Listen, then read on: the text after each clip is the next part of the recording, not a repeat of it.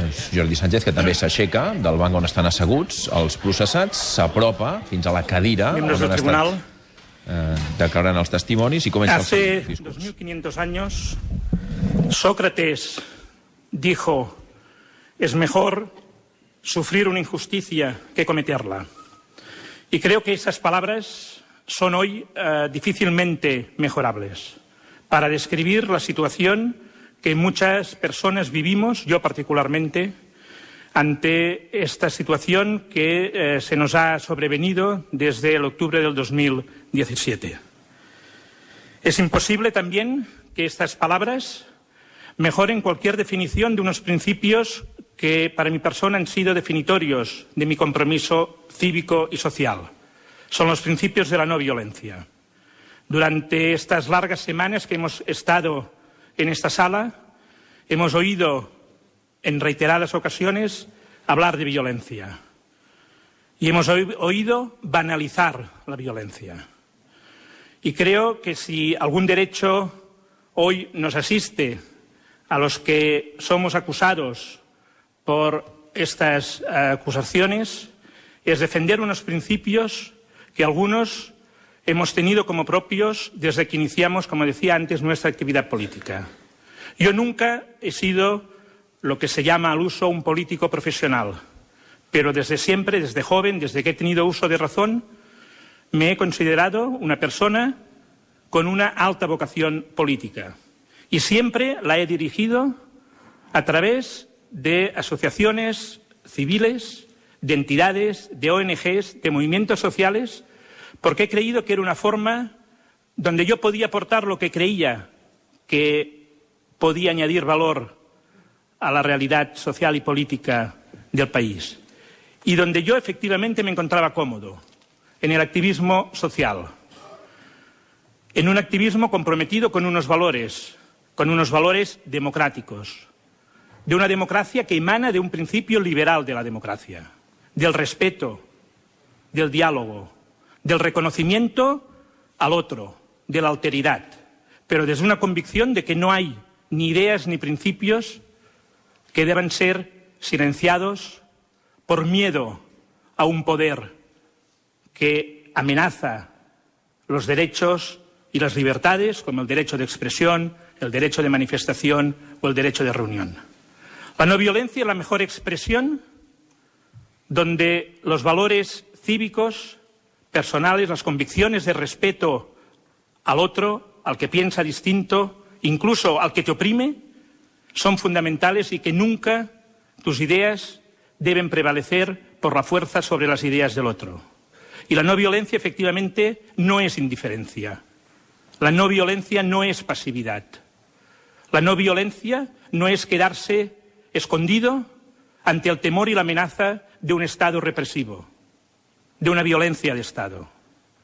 La no violencia es asumir efectivamente las consecuencias, como lo hizo Sócrates, y asumirlas a pesar de que esas consecuencias sean injustas y causen dolor, y asumirlas sin querer generar dolor al otro, ni al poderoso ni al débil. El respeto al otro es fundamental en la no violencia. Y creo que eso es lo que vivimos en Cataluña el 1 de octubre. Y creo que esa es también mi modesta trayectoria política en el activismo social y política que inicié desde los años 80. Pero como decía, como decía Sócrates, a veces cuando tienes esa actitud tienes que sufrir injusticias. Y yo no niego ante este tribunal que me considero víctima de una injusticia, de una injusticia, de un dolor que ha causado el Estado, los poderes del Estado. Para muchos este juicio ha sido largo, más de 50 sesiones, muchas semanas, muchos días. A toda esa gente que cree que este juicio ha sido largo, les invito a pensar cómo debe ser de largo 604 días encerrado en una prisión. Y eso causa dolor. La prisión causa dolor. Lo causa a la persona que sufre la prisión. Pero sobre todo lo causa a tus familiares, a mis padres, a Oriol, a Abril i a Clara i a Susana. S'emociona Jordi Sánchez quan fa referència a la seva família, a les seves filles. Al estar encerrado en prisión. Y en Cataluña ese dolor también ha Els sido advocats també estan socializado. emocionats. Y la gente, las personas, la sociedad ha vivido con dolor nuestra presión. Y ese dolor, de manera paradójica, ha generado frustración, ciertamente, pero también los mejores valores de solidaridad en muchas, en miles, en centenares de miles de personas que viven en Cataluña. Y ha habido esa capacidad para dar la vuelta al dolor y generar valores cívicos, de cohesión social, de compromiso público. Y yo me siento orgulloso hoy de formar parte de una sociedad que ha superado el dolor con voluntad de solidaridad, con cohesión. Y hoy yo afirmo, quizá en mi vers- versión universitaria, académica, politológica o sociológica, como le quieran llamar, que en Cataluña hoy hay mejor capital social que había hace unos años, que hay mayor confianza interpersonal. Y quiero que también lo valoremos y que demos valor a esa realidad, a esa fuerza asociativa, cívica, a esa cultura cívica que en Cataluña, a pesar de ese dolor que vivimos desde el octubre del 2017... Són dos quarts de sis de la tarda. Estem sentint Jordi Sánchez generar. en el seu torn de l'última paraula La davant del tribunal. Me ha enseñado muchas cosas. Y una de ellas la quiero hoy poner en esta última intervención mía ante este tribunal para invitarles a ustedes que tienen capacidad de influencia en los órganos judiciales y también a la opinión pública que nos estará viendo y a los legisladores para que tomen nota. No me afecta a mí probablemente porque en pocos meses, en pocas semanas, eso lo sabrán ustedes, mi prisión preventi- preventiva se habrá finalizado. Pero creo y yo asumo la, la crítica de no haberme dado cuenta antes de una enorme injusticia que debería modificarse en España, el uso y el abuso de la prisión preventiva. Un abuso que es utilizado a menudo por parte del Ministerio Fiscal para lograr beneficios a posiciones con elementos probatorios muy débiles, porque presos que están en situación de privación de libertad después de 18, de 24, de 36 meses, con penas elevadísimas, que de la noche por la mañana el Ministerio Fiscal les ofrece una rebaja de penas que les va a permitir salir inmediatamente en libertad, si aceptan esa invitación, a cambio de declararse culpables cuando a lo mejor no lo son. Y eso se produce porque finalmente las personas valoramos, hacemos un cálculo de oportunidades y de costes y beneficios. Y la gente dice, llevo dos años en prisión, me piden cuatro, me dicen que sea culpable, no lo soy, pero eso me garantiza salir porque no voy a jugarme a la ruleta rusa que un tribunal me condene a 11 años o a nueve. Les pido, pues, ustedes que pueden, que hagan lo posible para que España avance en calidad democrática y de justicia y siga también las instrucciones que organismos internacionales han hecho al respecto sobre el uso correcto de la prisión preventiva. En este juicio hemos visto de una manera sorprendente cómo lo que se quería evitar, que era la concepción política de este juicio, ha entrado de lleno. Y ha entrado fundamentalmente de manera sorprendente, y si alguien tenía dudas, en buena parte por el Ministerio Fiscal. Y si alguien duda de lo que digo, le invito a escuchar la última intervención del fiscal Zaragoza. Creo que es una evidencia que en este juicio fundamentalmente hemos hablado de política y de derechos fundamentales. Y es injusto para este tribunal que tenga que resolver un problema de naturaleza estrictamente política. Yo creo que ustedes no tienen la solución al problema que les ha venido encima. Ustedes difícilmente, porque el Poder Judicial no puede resolver un problema político. Pero sí que es cierto que ustedes tienen una responsabilidad que es no agravar la crisis política. Y esa es una responsabilidad que no es menor. No me gustaría estar en su piel, en sus pieles, para dar respuesta a todo lo que se ha planteado durante estos largos meses. Pero lo que es evidente es que hoy tenemos un problema político que ha sido irresponsablemente traspasado al Poder Judicial y este tendrá que resolver, tendrá que decir algo. Ojalá, como decía Andreu van den Eyden, su sentencia sirva para ayudar a resolver lo que la clase política de ese momento fue incapaz de resolver, que era un problema político que solo desde la política se podría encontrar solución. Pero lo más sorprendente de este juicio ha sido la negación de la realidad, la negación de la verdad por parte de las acusaciones, particularmente del Ministerio Fiscal y de Vox. Decía una autora para muchos de referencia, Hannah Arendt, que la verdad, aunque resulte impotente y siempre salga derrotada en un choque frontal con los poderes establecidos, tiene una fuerza peculiar. Hagan lo que hagan quienes ejercen el poder, son incapaces de descubrir o inventar un sucedáneo viable de ella.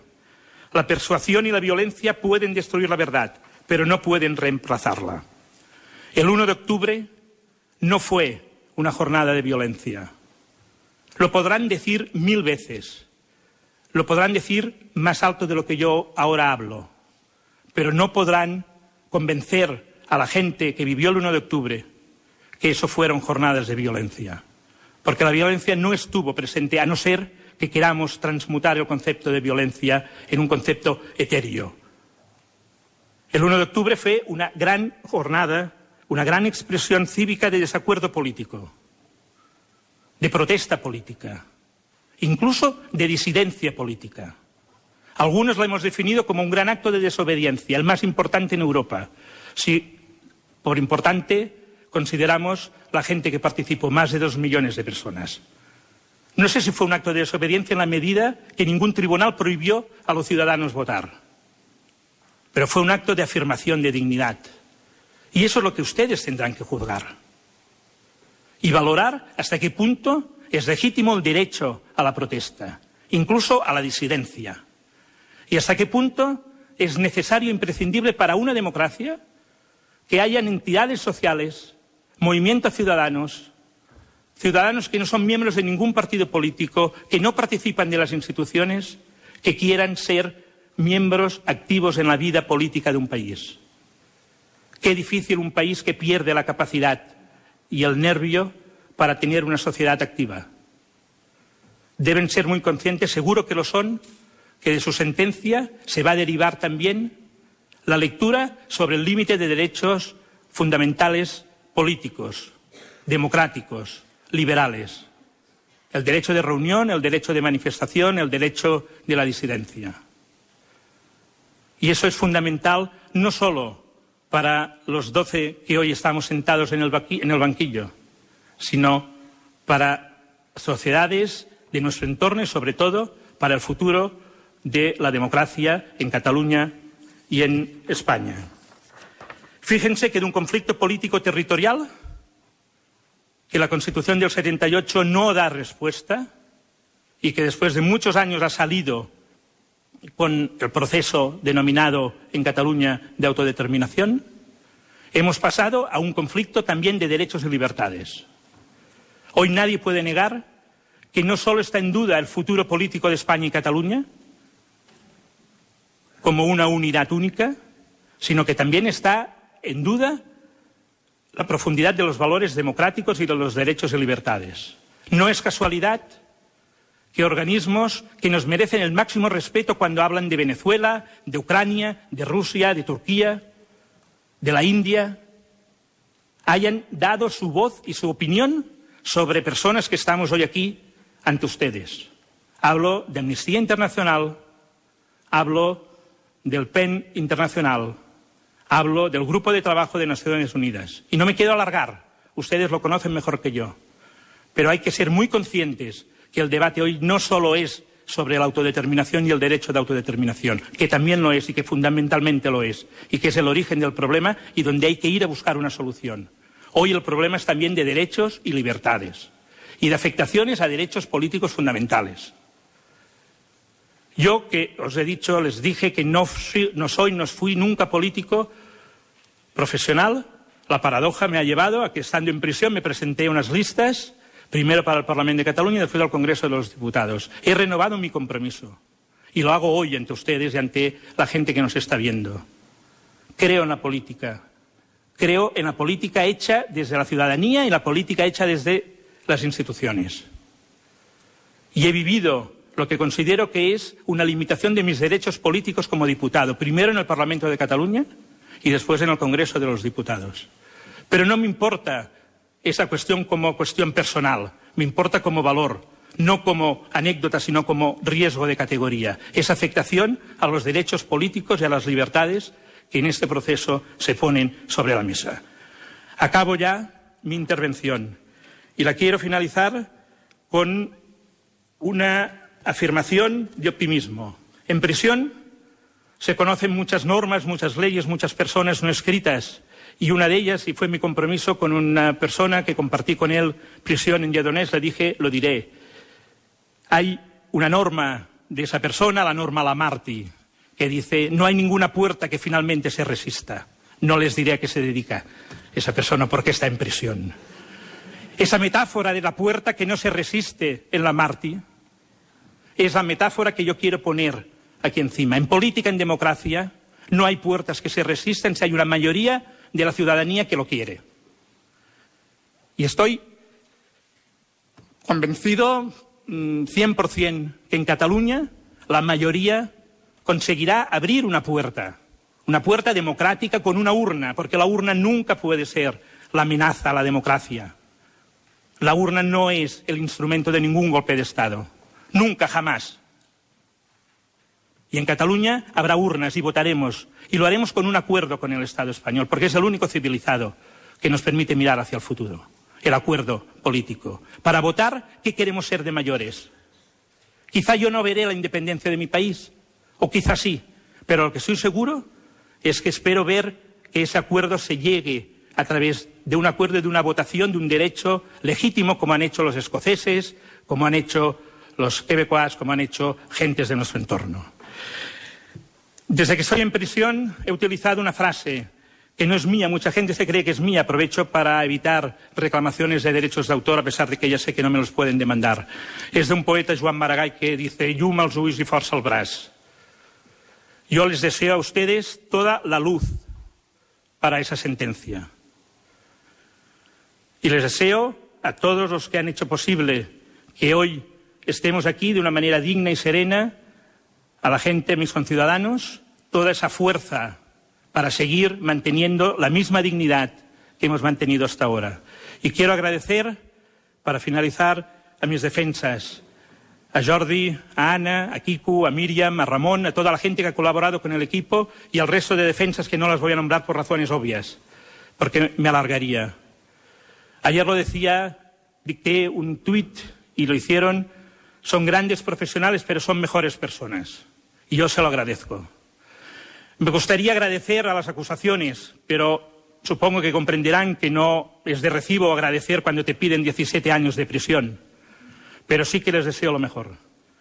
Porque a pesar de que nos separa una enorme distancia con toda la actitud que he visto aquí, estoy convencido, absolutamente convencido, que la mayoría de las acusaciones, no sé, si todas, pero la mayoría, cuando a la noche cierran la luz, son conscientes que en conciencia no han hecho lo que tocaba y son conscientes que han forzado elementos, figuras retóricas para defender una posición que no era justa. Confío en que finalmente la justicia llegue. Muchas gracias.